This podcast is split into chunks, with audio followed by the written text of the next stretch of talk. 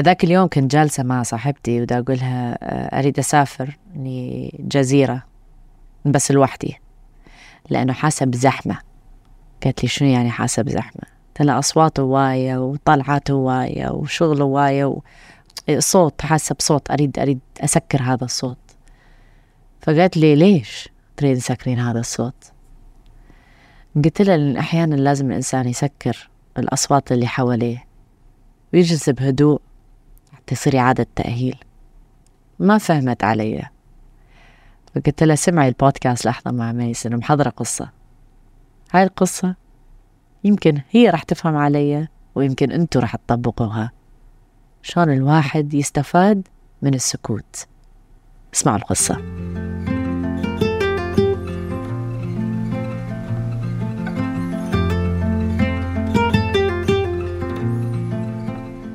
كان في مزارع اسمه إلياس. إلياس كان عنده مزرعة جدا جميلة يزرع بيها أشكال وأنواع من الورود للخضرة للأكل وكان فنان بالزرع. وفي يوم من الأيام هو المزرعة اللي كانت عندها بقرية معينة وهو ما كان الوحيد اللي عنده مزرعة يعني كان في أكثر من مزارع موجودين بهاي القرية. وفي يوم من الأيام صار في نوع من الكومبيتيشن آه، مسابقة. هاي المسابقة اللي صارت آه، مسابقة الورود والحدائق الجميلة.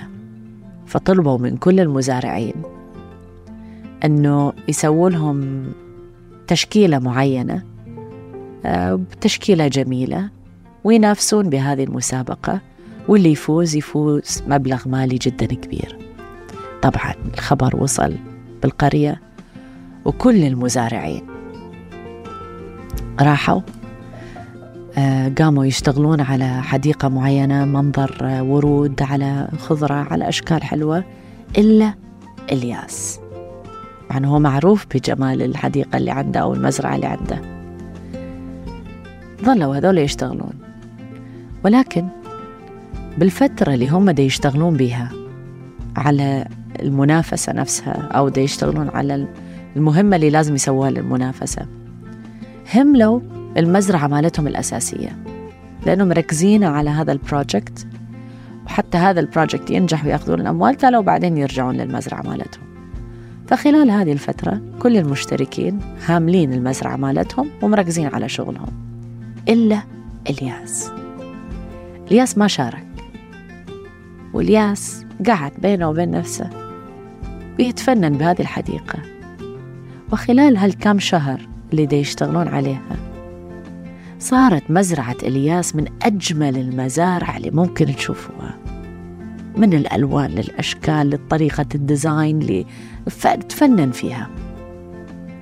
بحيث وصل الخبر لحكام المنافسة. وسمعوا أنه في أحد عنده مزرعة اسمها إلياس جدا جميلة ولكن مو مشارك. فوصلنا ليوم التحدي في المشاركة يوم المنافسة.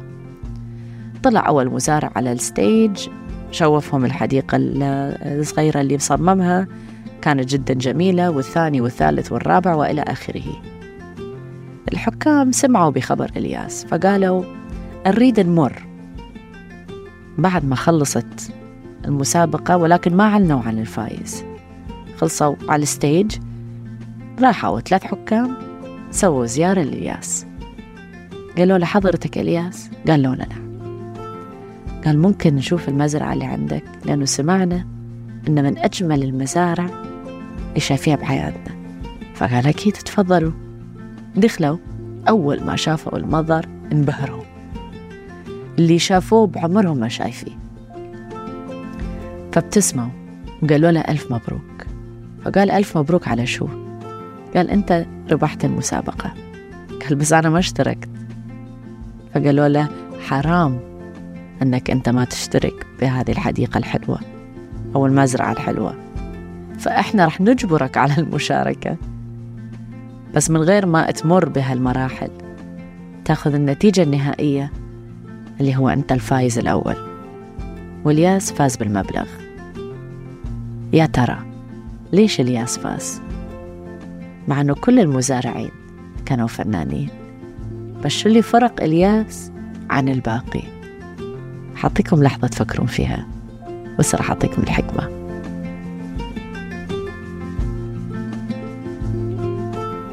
في كثير حكم من هاي القصة.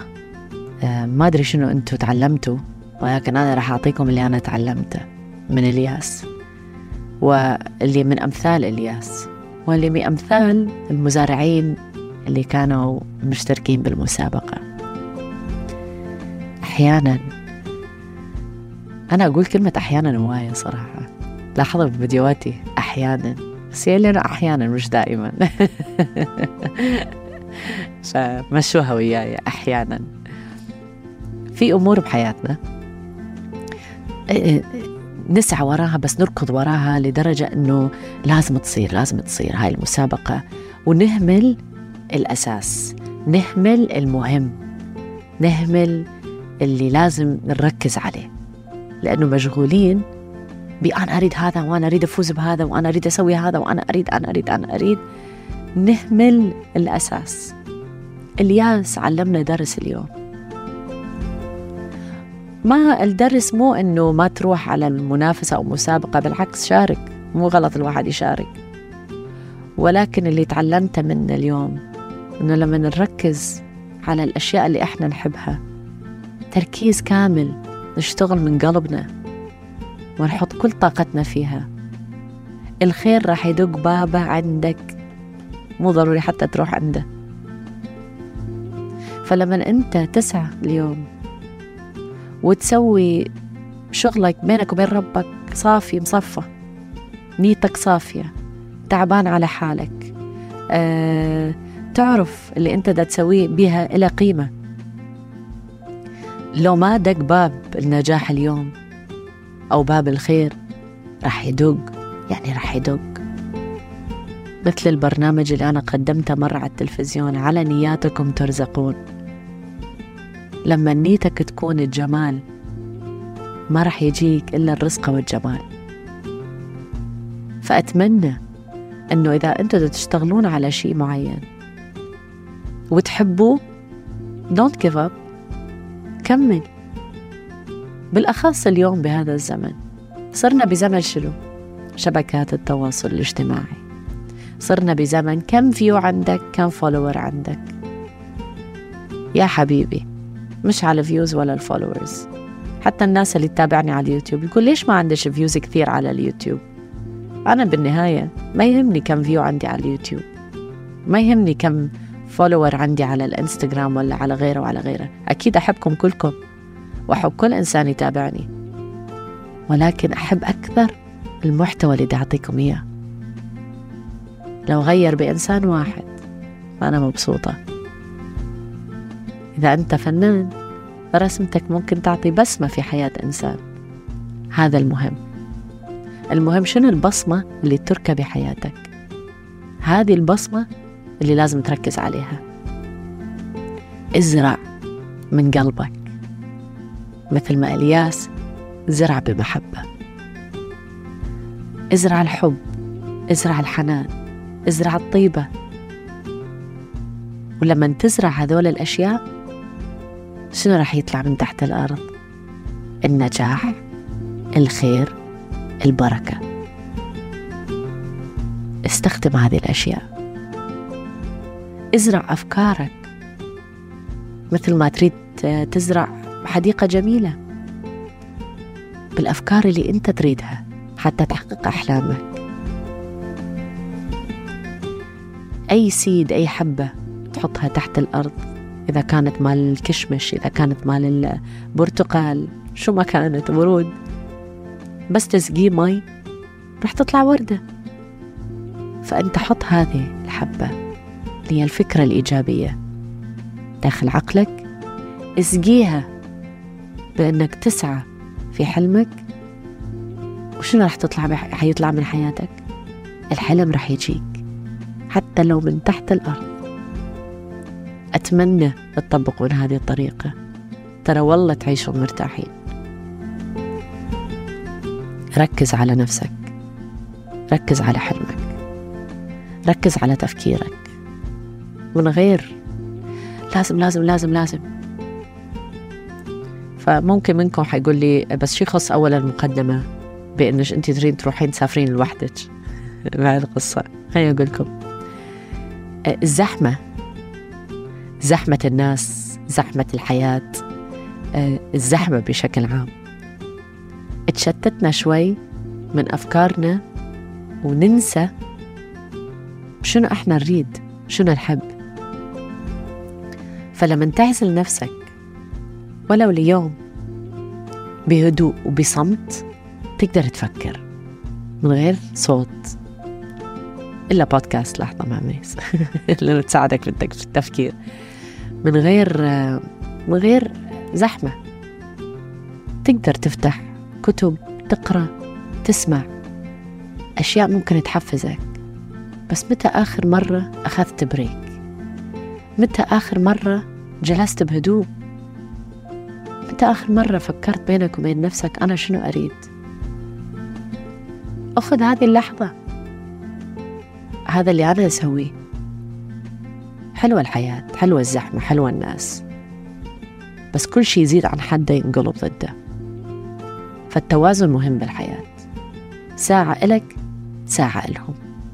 ساعة صمت وساعة زحمة. بس إذا دائما زحمة ودائما صمت أكيد حيكون منا الشر ما رح يجي منا الخير. فخلال الصمت اتذكر نيتك. تذكر أنت ليش تسوي اللي تسويه؟ ليش تتابع شغفك؟ ليش أنت موجود بهالدنيا؟ شو هدفك؟ هل في رسالة تريد توصلها؟ مهنة لازم تسويها؟ شخص لازم تساعده؟ لما تعرف هذا الجواب على نيتك رزق راح تدق باب بيتك. اشتغل بنية صافية الخير راح يجيك. واسعى. مش تقعد بالبيت. مثل الياس الياس صدفة يعني ضربة حظ وياه. بس اسعى. وإذا ما اشتغل ما اشتغل. غيره راح يشتغل. الحياة ما راح تنتهي. يعني إحنا كلنا راح نموت أكيد. بس إنه بهالمشوار خليك ماشي. هذه كانت قصة اليوم وحكمة اليوم في لحظة مع ميس. حأوفكم بهاي الحكمة البسيطة. طبقوها بحياتكم. واكتبوا لي بالتعليقات. أشوفكم بالحلقات الجاية.